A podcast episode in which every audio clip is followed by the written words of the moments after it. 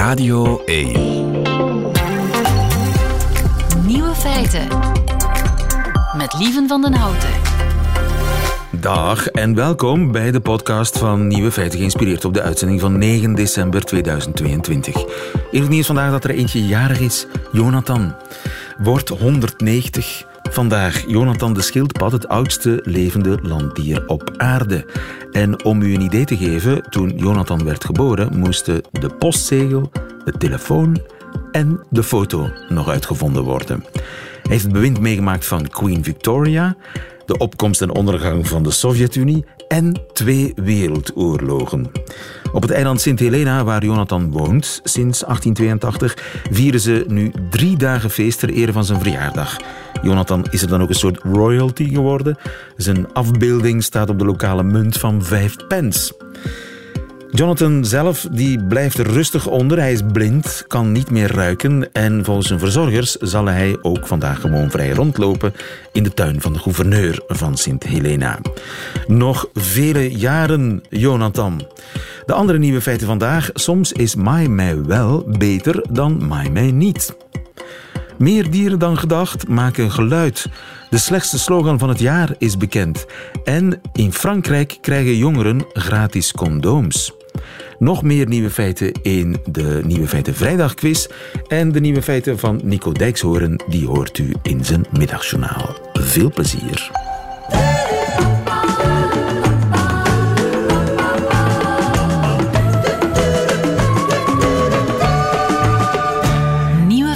In Frankrijk krijgen jongeren gratis condooms in de apotheek, want de SOA's zijn in opmars. Goedemiddag, Sandra van den Einde, Goedemiddag. beleidsmedewerker SOA's en HIV bij eh, Sensoa. Alle jongeren tussen 18 en 25 kunnen gratis condooms krijgen in Frankrijk. Daarmee wil de regering de opmars tegenhouden van de SOA's. Om welke SOA's gaat het? Wel, in Frankrijk eh, doen ze dat omdat ze een verhoging zien van het aantal gevallen van chlamydia en gonorree. Eh, in België zien we een lichtjes andere situatie. Eh, daar hebben we, vinden we ook wel heel wat eh, chlamydia terug onder jonge eh, mensen. Maar wij hebben geen toename zoals ze dat in Frankrijk zien.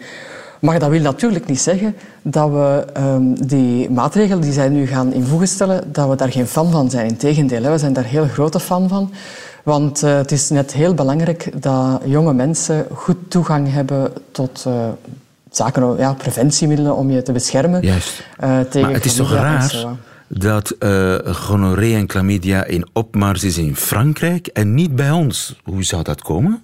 Er is een soort chlamydia-grens ten zuiden van Kortrijk. Wie weet. Nu, ehm, we zijn al wel vrij lang bezig met het opsporen van eh, chlamydia. En we, we vinden wel meer gevallen dan vroeger, eh, omdat we beter aan het zoeken zijn.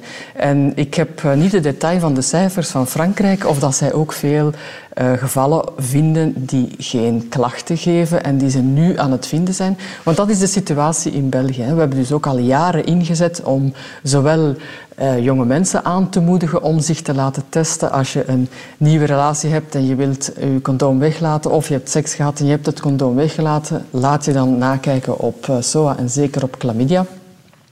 Dat is een advies dat we ook al jaren geven en dat zien we ook dat goed opgevolgd wordt en dat we ook aan onze huisartsen, gynaecologen gevraagd hebben om daarmee proactief achter te gaan zoeken. En dat heeft bij ons ook voor een toename gezorgd in het aantal diagnoses. Alleen eh, konden we niet zeggen dat er eh, een heel grote uitbraak bezig van chlamydia. Dat is niet het geval. Maar we zijn gewoon heel goed in het vinden van mensen die chlamydia hebben en het nog niet weten. En daar weet ik niet precies wat, hoe dat de situatie in Frankrijk is, of dat zij ook eh, veel mensen aan het vinden zijn die het niet weten. Maar dat is de situatie geweest bij ons in, Ja. in België. Ja. En daar hebben we natuurlijk ook hard aan gewerkt, hè, want dat is ook belangrijk dat mensen zich kunnen laten behandelen, want het is perfect behandelbaar Ja. uiteraard. We kunnen ook bij ons spreken van een toename, simpel gezegd. Van het aantal diagnoses, ja, daar, eh, eh, gevallen die we vinden, inderdaad. Ja. En is daar een verklaring voor? In Frankrijk spreken ze van knaldrang, eigenlijk. Post-corona, iedereen... Ja, of zelfs ja, tijdens heb- corona, een soort frustratie. Weet ik veel? Ja, ja, nee, dat kunnen we eigenlijk bij ons niet zo goed um, vaststellen. Wat dat we wel kunnen zeggen is, ja, tijdens um, COVID mochten we geen consultaties gaan vragen zonder dat we symptomen hadden, voor wat dan ook. Dus ook niet voor, um, voor eventueel seksueel overdraagbare aandoeningen. Dus ja, die mensen die we voorheen vonden die zonder klachten uh, werden gevonden, ja, die vonden we dan tijdens COVID minder. Dus die zijn we nu terug aan het inhalen en aan het terugvinden. Maar ja, dat is iets dat zich wat gaat uitvlakken. Um, dat soort van fenomenen van knaldrang kan ik niet echt hard maken met cijfers hier in Vlaanderen op dit moment. Nu is het wel zo dat de jongste condoomcampagne ligt alweer heel lang achter ons. Um, ja, uh, condoom is natuurlijk ook niet het enige dat je uh, kan doen om je te beschermen tegen SOA's.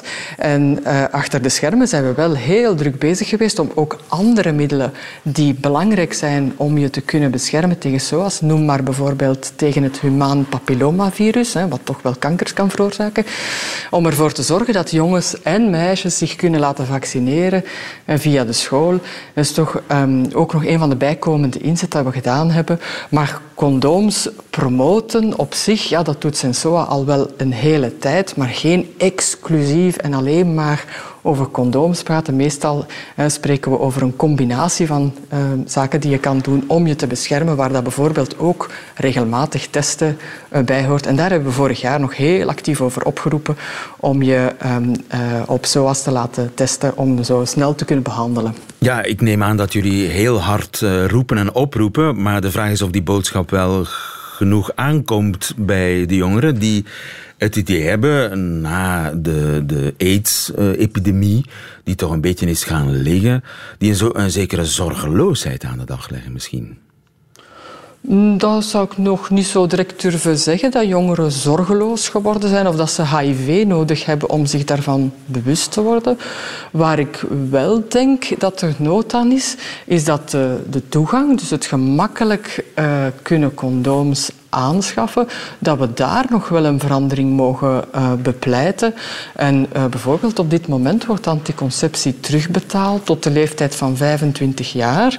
Maar condooms vallen daar niet onder. En dat is spijtig, want dat zou net een extra uh, signaal of impuls kunnen geven aan jongeren om uh, condooms in huis te halen uh, op, en dat dat terugbetaald is. Dat zou van onze overheid, als onze federale overheid dat dat zou kunnen doen, zou een heel mooi signaal zijn om het jongeren echt makkelijk te maken om condooms aan te schaffen. Het Franse voorbeeld volgen qua? Bien sûr. Sandra van den Einde van Sensoa, dankjewel. Goedemiddag. Heel graag gedaan hoor. Dag. Radio 1. Nieuwe feiten. Wie niet meedoet aan de quiz, maar wel een andere wedstrijd heeft gewonnen, is Ineke de G. Dag Ineke. Goeiedag, hallo. Ineke, gefeliciteerd.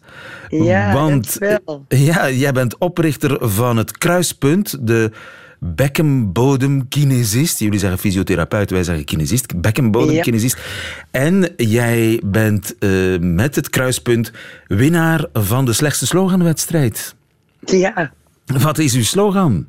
Ja, de slogan is uh, maak van uw kruis geen punt, kom naar het kruispunt. Geweldige slogan toch? ja, wij vonden hem ook wel grappig en prikkelend. En, uh, maar de, we zijn genomineerd voor de slechtste slogan. Maar ik draai het maar tot zijn positieve. Je bent meer dan genomineerd, hè? Je bent, je bent winnaar. Ja, juist. Maar je draait het positief, ja? Ja, ik draai het om naar positief. Want het winnen daarvan zorgt voor uh, belangstelling voor de bekkenfysiotherapie. Absoluut. En dat is in Nederland zowel als in België heel belangrijk. Belangrijk voor, uh, met het oog op de seksualiteit, met het oog op de, de functione het functioneren van, van de, de, de urinewegen, dat soort dingen? Precies, het is belangrijk voor mensen die pro problemen hebben met plassen en met poepen. En met vrijen of met zwangerschap of met buikpijn die, die, niet te verklaren is. En of mensen die steeds blaasontstekingen hebben, of die obstipatie hebben, of poepverlies, of de windjes slecht kunnen controleren, of de erectie niet goed loopt, of pijn met vrijen hebben. Al die dingen, daar heeft een bekkenfysiotherapeut, kan daar heel veel goeds aan doen Ja. om te helpen. En, Om de mensen te leren bewust te worden van hun bekkenbodem. ja, en er is niet zoiets als een slechte slogan, hè? als hij maar werkt. En hij werkt in elk geval. Hij werkt hartstikke goed. maak ja. van uw kruis geen punt, kom naar het kruispunt. En eh, ja, die slogan gaan we nooit vergeten. Dank je, winnaar dat van de slechtste idee. slogan van het jaar. Dank je wel eh, en gefeliciteerd Ineke in eh, Nederland van het kruispunt. Dankjewel hoor. Dag. Dag. Nieuwe feiten.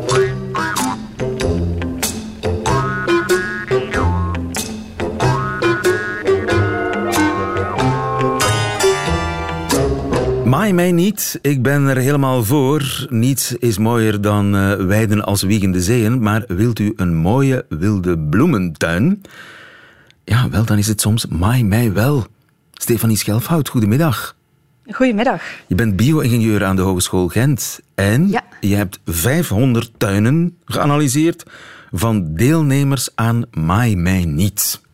Ja, ja. Dat waren klopt. mensen die, die zo'n prachtige flower power tuin wilden. Zo'n wilde tuin met allerlei grassen en fluitenkruid en madeliefjes en paardenbloemen. En die daarvoor gestopt waren met maaien, zeker in mei. Wat bleek?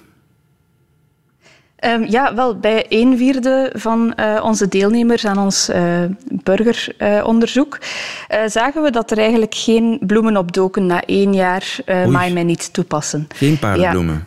Twee madeliefjes. Nul fluitenkruid. zelfs nul. nul bloemen. En dan Nul er wel bloemen? een, ja, ja. Ehm, er waren wel nog een aantal mensen, die, eh, een groot aantal mensen die wel degelijk een paar bloemen hadden, maar de grote bloemenpracht bleef bij de meeste tuinen of bij de meeste gazons wel uit. Ze kregen alleen Ehm, hoger gras. Ja, ja, dat klopt. Nu, dit is het eerste jaar van het onderzoek. Het onderzoek loopt eh, meerdere jaren. Het is altijd belangrijk in, eh, in de natuur van meerdere jaren i- een ecosysteem te bestuderen. En dat vragen we dus ook aan die burgers om drie jaar lang eh, hun gazon samen met ons te gaan bestuderen. Ja, want het zou toch de bedoeling zijn dat allerlei ja, zaden van wilde bloemen en kruiden, dat die dan zich vanzelf zouden verspreiden en dat al die ja, biodiversiteit eh, tot een soort bloemen- en kleurenpracht zou leiden. Dat is niet gebeurd. Hoe komt dat? Ja, dus de eerste factor is dus die tijd. Eh, Mensen moeten een beetje geduld zijn, dat is belangrijk. Maar we weten ook vanuit eh, onze ervaringen in graslandherstel, in natuurgebieden en zo, ehm, dat het niet altijd vanzelf komt en dat er wel een aantal knelpunten zijn. Zoals bijvoorbeeld die zaden, dat die gewoon niet meer aanwezig zijn in de, in de omgeving. En dan helpt het om die te gaan inzaaien. Maar ook dan is het niet altijd dat het eh, leidt tot een bloemrijk resultaat. Oké, gebrek aan zaad, wat kan nog het probleem zijn? Ehm, dat de bodemomstandigheden bijvoorbeeld gewijzigd zijn door eh, onder andere voormalige bemesting. Ehm, want het mag misschien raar klinken, maar het is eh, ja, een ogenschijnlijke paradox tussen biodiversiteit en eh, voedselrijkdom. Ehm, Dus de bodem kan te rijk zijn. ja, ja, ja, ja, inderdaad. Eigenlijk verwachten we in, in graslanden een hoge biodiversiteit op een voedselarme bodem. Ja, dat, dat klinkt contradictorisch. Hè? Maar zijn dat dan Ehm, mensen die, die ja, van niet beter wetende hun tuin hebben zitten bemesten? Onder andere, ehm, je krijgt een voedselrijke bodem inderdaad door rechtstreekse bemesting. En als je bijvoorbeeld een, een sportgazon wil, dan ehm, wil je die gazon ook heel vaak eh, kunnen gaan afmaaien. Dat is een heel intensief landgebruik. En daar moet je ook wel vrij veel gaan bij bemesten. Nu, als je daar bloemen in wil, ehm, dan is dat bemesten echt nefast. Ehm, maar hoe, hoe, hoe kan het komen dat je nog een, fosforrijke allee, een voedselrijke bodem hebt? Ehm, dat kan komen ook doordat je tuin bijvoorbeeld gelegen is op een voormalige akker. Ehm, Je sleept die voedselrijkdom van de bodem vrij lang mee in de, in de tijd. Jaren. Jaren, ja, ja. Dat is afhankelijk van hoeveel eh, mestinput dat er geweest is. Dat fosfor Ehm, blijft maar- daar zitten. Ja, fosfor is zo'n hardnekkig eh, nutriënt dat heel lang meegesleept kan worden. Eh, maar ook bijvoorbeeld mensen die hun tuin laten heraanleggen en waarbij dat er teelaarde gebruikt wordt. Teelaarde is afkom- af- afkomstig van eh, landbouwgronden. Die is ook weer fosforrijk. Ja. Ehm, en dat helpt dus niet in het verhaal van bloemrijk graslanden herstellen. Want gras profiteert daar meer van dan bloemen. Klopt. Dus als je een, een bodem gaat bemesten, ga je snel groeiende plantensoorten gaan bevoordelen. En vaak zijn dat uh, grassoorten, zoals um, gestreepte witbol of Engels rijgras. Dat zijn soorten die de eigenschap hebben om heel snel te kunnen gaan groeien als ze bemest worden. Dus die, als die bemest worden, gaan die bovengronds heel fors worden en veel licht wegnemen van de andere plantensoorten die daartussen zouden kunnen staan. En die verdringen gewoon de andere plantensoorten, dus die mogelijke bloemen die daartussen staan. Ja, dus je moet dat gras tegenwerken. Ja, je moet dat gras een beetje proberen pesten. Um, als je een voedselarme bodem hebt, dan kan het al volstaan door gewoon je maaibeheer in plaats van gazonbeheer, waarbij dat je zelfs ja, twee keer per maand of vier keer per maand gaat maaien. Ik had ooit een buurman elke dag. Ja. Ik zweer het. Dat, sommige mensen zijn er heel... Uh, inderdaad. Ja. Lang geleden hoor, ehm, lang geleden. maar dus je moet ehm, dat op strategische momenten toch maaien, dat gras. Met name in mei.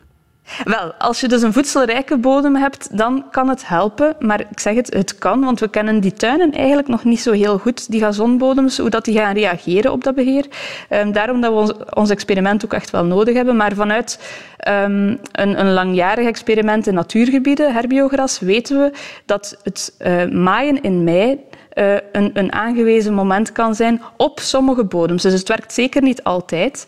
Um, en soms lijkt het te werken. En waarom? Ay, onze theorie is dat dit eigenlijk de uh, grassoorten die in bloei komen in mei en die zaad zetten in juni, dat die op die manier eigenlijk benadeeld worden. Dus als je ervoor zorgt dat die plantensoorten die in mei um, dat die niet uh, kunnen zaden produceren, dus die grassen, dan gaan die eigenlijk achteruit gaan uit de vegetatie en dan is er meer plaats voor die bloemen om te gaan bloeien. Dus ik, poef, dat is echt, ik heb een soort uh, gras, gras- of bodemdokter nodig om uit te maken of ik nu al dan niet moet maaien in mei.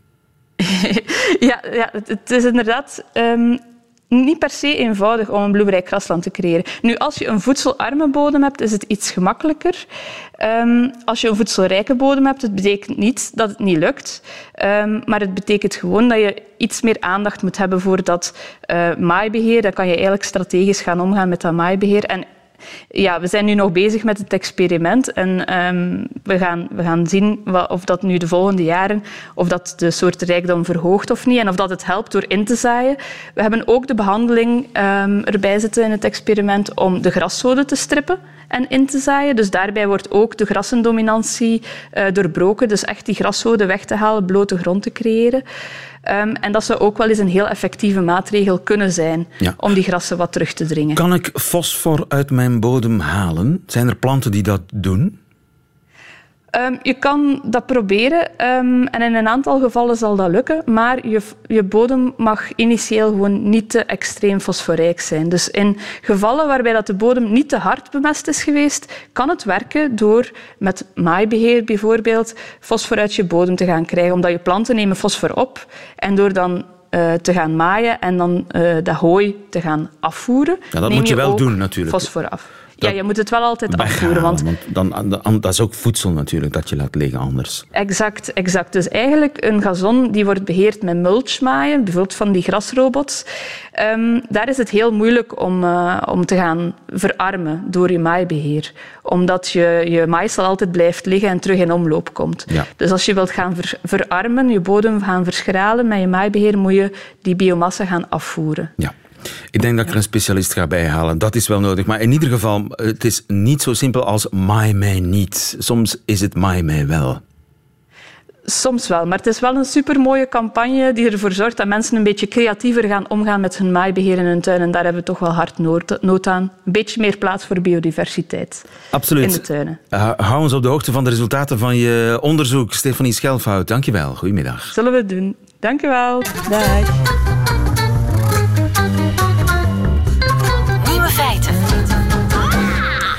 Quizvraagje. Straks is de echte quiz hoor, maar nu om te spelen, om te oefenen. Quizvraag. Wat is dit geluid?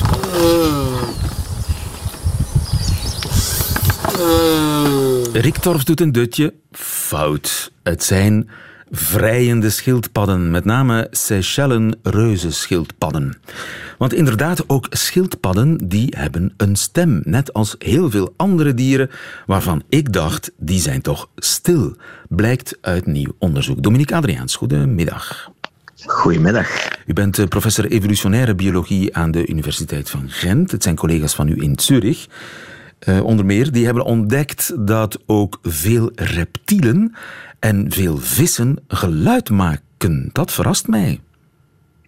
Ja, is op, op zich al, al lang gekend dat, dat vissen geluid kunnen maken. Uh, wat nieuw is nu, dat ook bij longvissen, dat is vastgesteld, omdat longvissen op een andere manier geluid kunnen maken dan de meeste vissen die wij kennen. Uh, andere vissen gebruiken daar een zwemblaas voor, sommigen gebruiken daar een kakenzas voor om geluid te maken. Maar het speciale is dat longvissen, die, zoals de naam het zegt, zij hebben longen, dat zij eigenlijk geluid produceren op een gelijkaardige manier, tot op een zeker niveau, zoals dat bijvoorbeeld wij geluid produceren door lucht uit de longen te gaan persen. En dat is inderdaad wel uh, nieuw. Wat reptielen betreft, ook daar was wel al geweten van, van een aantal soorten en groepen, zoals krokodillen en zo, die zijn zeer gekend van geluid te maken. Maar wat nu nieuw is in die studie, is dat nu ook blijkt dat onder andere schildpadden en zo, uh, dat er veel meer soorten zijn die dat in staat zijn om geluid te maken dan dat men vroeger dacht. Ja, en dan hebben we het over vocaal geluid, dan hebben we het niet over stampen met de pootjes of ratelen met de staart. We hebben het over longen en een stemapparaat. Ja, um, en vooral longen. Omdat wij hebben bijvoorbeeld stembanden die, die in onze stotenhoofd zitten opgespannen. En als wij dus lucht uit onze longen persen, dan beginnen die stembanden te trillen. En dat produceert geluid. Um, maar er zijn ook heel wat, waaronder krokodillen doen dat, die produceren ook geluid door lucht uit die longen te persen. Maar die hebben bijvoorbeeld geen stembanden. Maar wel een Toch soort stemapparaat. Iets wat Maar daar- dat is wel iets dat dat geluid versterkt. En daar komt het dus meestal op neer, is dat de trillingen die ontstaan door de lucht die naar buiten geperst wordt, dat die wat wordt versterkt, eh, zodanig dat dat een hoorbaar geluid eh, kan eh, genereren. Ja, we gaan eens luisteren naar.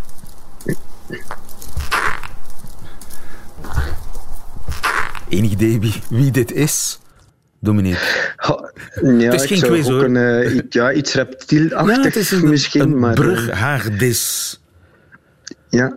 Dus ja, haag, een brughagedis. Ja. is, is dat een, een normale hagedis of is dat een heel bijzondere hagedis? Dat is een heel bijzondere hagedis. Eigenlijk is het geen echte hagedis. Hè. Dus, dus wat wij gebruikelijk kennen als een hagedis zit eh, binnen de groep van wat men in het- de wetenschappelijke termen de squamata noemt. Hè. Daar behoren ook de slangen, de gekko's, eh, de leguanen en zo toe. Maar de brughagedis zit daar eigenlijk helemaal buiten en is wat men noemt soms een levend fossiel. Hè. Men heeft daar eh, fossielen die al, al miljoen jaren uitgestorven zijn, die nog heel sterk lijken op de brughagedis van de dag van vandaag.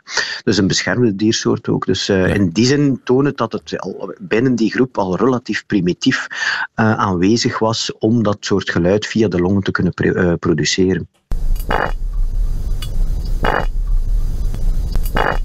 Het klinkt als iets heel vies, maar het is. het is een salamander. Ja, dat is in, die zin wel ook speciaal, omdat nu geluidsproductie en, en vocalisatie, dus het via de, de, de longen en zo, en wel met behulp van stembanden, eh, is al lang gekend bij kikkers. Hè. Iedereen kent de kwakende kikkers, hè, die dan keelzakken hebben om dat geluid te gaan versterken, zodanig dat dat tot heel ver hoorbaar is. Eh, sommige salamanders waren ook gekend om geluid te maken, maar dat wormsalamanders, wat dan eigenlijk de derde groep van de nu levende amfibieën is, dat was nieuw. Dat wisten we niet dat die in staat zijn van ook eh, geluid te gaan produceren. En dus ook die longvis, hè, waar we het al over hadden.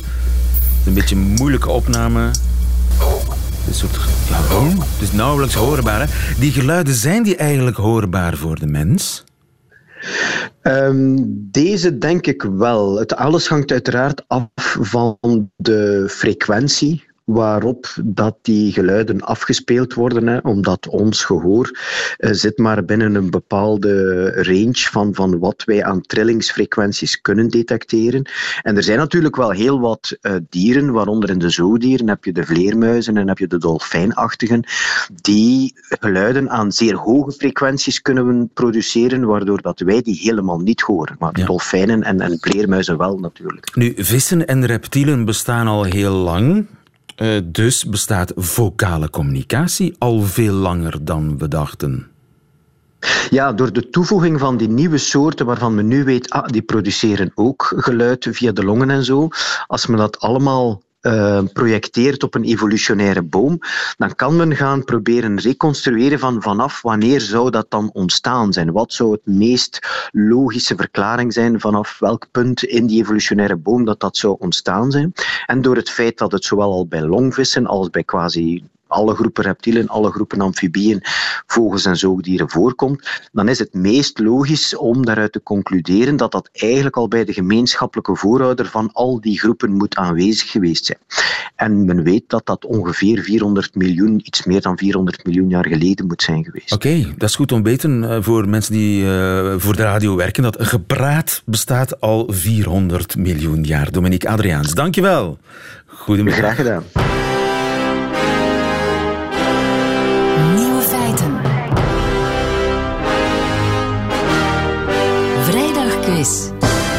Nu wordt het pas echt serieus in Nieuwe Feiten met de komst van Gilles Wijkmans en zijn gevreesde vrijdagquiz. Goedemiddag, Gilles. Hallo, hallo. Je hebt weer een meedogenloze quiz samengesteld op basis mhm. van de nieuwe feiten die deze week zijn binnengelopen. De prijs is een boekenbon van 25 euro. Daar spelen we voor. Die boekenbon is te verzilveren bij de onafhankelijke boekhandelaar aangesloten bij Confituur. En wie weet wint Senne die boekenbon. Goedemiddag, Senne. Goedemiddag. Senne Willems uit Antwerpen, wat was je aan het doen? Uh, een beetje aan het klussen in huis. Aan het klussen in huis? Ik ben zo trots op je, Senne. Wat, welke klus was je aan het klaren? Uh, ik was uh, licht in huis aan het brengen en lampen aan het ophangen. Lampen ophangen. Ik heb er ook nog twee of zo. Ja, wij hebben ook nog lampen worden. opgehangen staan. Je speelt tegen Sandra. Dag Sandra. Hallo, goedemiddag. Ah, Sandra, je was aan het eten, geloof ik. Even ja, doorslikken. ik was tijdens uh, mijn middagpauze naar het nieuwe wat, wat, wat, ligt, wat ligt er op de boterham, Sandra? Uh, er ligt kaas op de boterham. Ja, niks boven kaas natuurlijk, hè. Is het gewoon kaas met een beetje mosterd erbij? Of, of gewoon, gewoon, gewoon kaas? pure kaas. Pure, kaas. kaas. Voilà, Sandra. Senne en Sandra, uh, jullie spelen tegen elkaar. Ik begin bij Senne, want die heeft zich het eerst gemeld. Zolang hij juist antwoordt, blijft hij aan de beurt. Bij een fout antwoord gaat die beurt naar Sandra. Wie het laatste nieuwe feit goed kent, die wint deze quiz. Dus, Senne, Dyson, de stofzuigerfabrikant, die heeft een nieuw product op de markt gebracht. En dat product kost 950 euro. Wat is het? A. Een winterjas die aan de binnenkant warme lucht rondblaast. B. Een koptelefoon die ook de lucht zuivert. C. Een stofzuiger die ook dienst doet als bladblazer. God beware ons. A, B of C?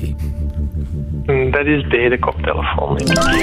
Dat is helemaal goed. Dat zei je heel gedecideerd. Wist je dat? Ja, ik heb het even opgevangen, ja. Wauw. Ja, helemaal gelijk, inderdaad. De Dyson Zone heet het. En het ziet er een beetje uit als een motorhelm zonder het vizier. Een koptelefoon dus, met dan nog een band voor de mond en neus, die dus ook de lucht zuivert. Uh, pollen, bacteriën en stof worden uit de lucht gefilterd voor je die inademt. Benieuwd of het een succes wordt voor 950 euro. Vraag 2, Senne. Ik blijf bij jou, uh, wegens goed geantwoord. Wat blijkt uit een reeks schoolexamens die enkele Britse parlementariërs onlangs hebben afgelegd. A. Leden van de Socialistische Partij scoorden beter op rekenen dan hun conservatieve collega's. B. Ze haalden allemaal perfecte scores, behalve op spelling. C. Ze scoorden gemiddeld slechter dan tienjarigen parlementsleden. Senne. Uh, ik ga voor de lol voor C dan. Dat is helemaal goed. Wij zijn uh, andermaal zwaar onder de indruk. Lampen ophangen en twee vragen goed in deze quiz. Senne, je bent een soort superman. Ja, inderdaad. Het waren zes uh, Britse parlementsleden die de SAT-test deden. Dus de test die bepalen of leerlingen naar het hoger onderwijs mogen. Ze deden een wiskunde, lees- en schrijfproef. En ze scoorden dus lager dan de tieners. 44% van de politici haalden de verwachte norm voor wiskunde en 50% van hen voor spelling en grammatica. Tegenover 59% van de 10- en 11-jarigen. Een van de politici die deelnam was de voorzitter van de onderwijscommissie.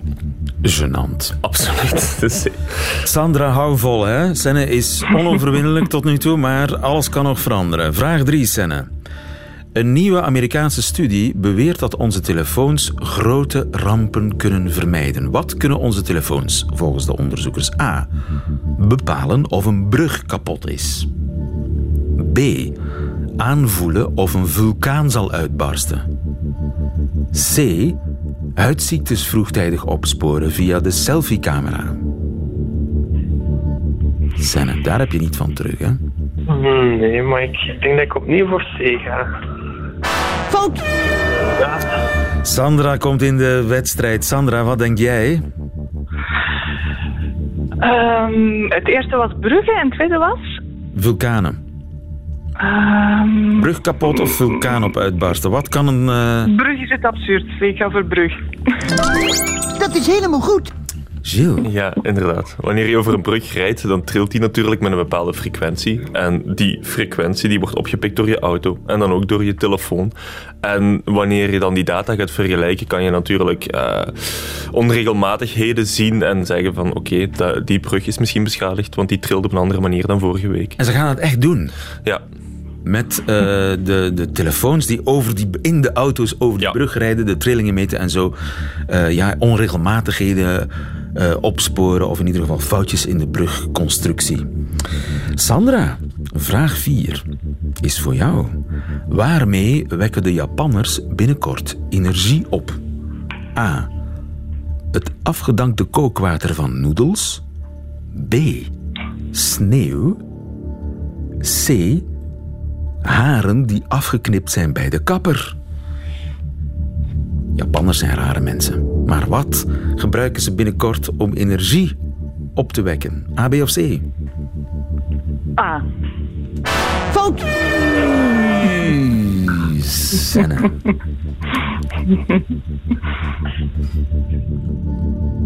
Dan ga ik voor denk ik.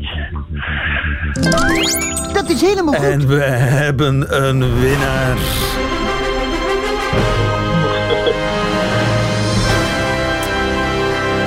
Proficiat, Senne Willems. Helaas, Sandra, het zal bij die boterham met kaas blijven. Vandaag geen boekenbon van 25 euro, want die gaat naar Senne.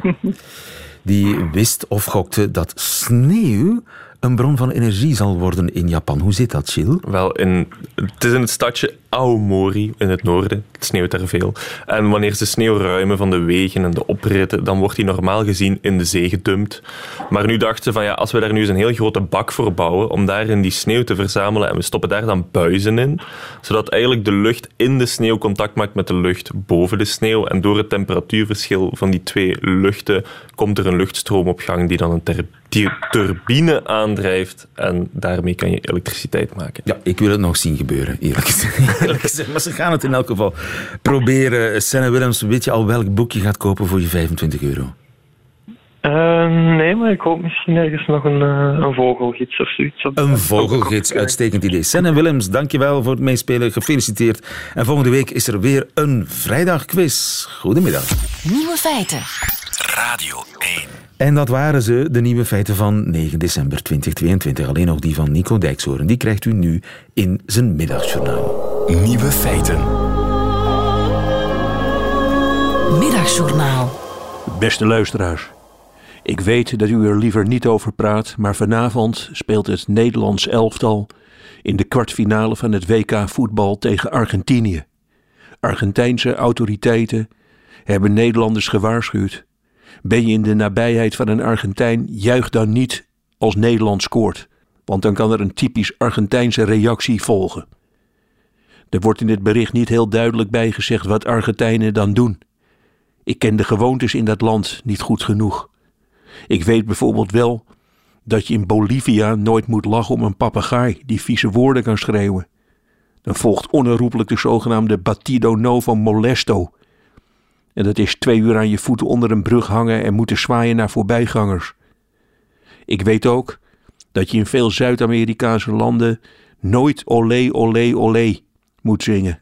Dat kan volgens Argentijnen resulteren in een slechte oogst. Nu zou het zomaar kunnen dat vanavond tienduizenden trotse Argentijnen zich verkleed als Nederlanders in onze cafés gaan verschansen om namens de Argentijnse regering te controleren op ongewenst juichen. En voor de zekerheid doe ik vandaag dan ook alleen maar Argentijnse dingen. Ik heb vanochtend, ongeveer vijf minuten dat ik wakker was, twee grote pampa steaks naast mijn bed staan bakken. En daarna heb ik een portret van Messi op mijn gevel van mijn huis geschilderd. Daarna heb ik de gebruikelijke Argentijnse dingetjes gedaan. Ik heb mijn eigen vleeskruiden staan mengen in een zogenaamde plata munificalis. Wat wij gewoon een halve schedel zouden noemen. En natuurlijk heb ik, hoe kan het ook anders, heerlijk de tango gedanst op straat. Want dat doen Argentijnen. Ze dansen nooit binnen. Let u daar maar eens een keer op. Het moet en zal buiten gebeuren. En dan is het opeens weer wel toegestaan voor Nederlanders om te juichen. Dan moeten we om ze heen staan, om de Argentijnen heen. En dan moeten we zeggen: Oh, wat knap, oh, wat romantisch. Ach, kijk nou eens, zo dicht met die wangetjes tegen elkaar. Wat een heerlijke dans, de tango. Ik ga daar vanavond maar eens gewoon een keer in mee. Ik heb geen zin in het Argentijnse gelazer. Dat ik vannacht uit mijn huis word gesleurd. En dat mijn overleden moeder opeens met terugwerkende kracht ook nog eens een dwaze overleden moeder wordt. Ik zal mijn handen stuk klappen als ik vanavond Argentijnen vlak voor een Nederlandse kroeg de tango zie dansen. Maar luisteraars, dit is wat ik zal denken. De tango, dat is een dans die je met een kartonnen doos onder je overhemd danst. Steeds maar die koppen tegen elkaar. Doodsbang dat de ander een keer de andere kant op danst en dat je alleen blijft. Ze dansen op accordeonmuziek. Dan verdien je het ook gewoon om vanavond met 7-0 van Nederland te verliezen.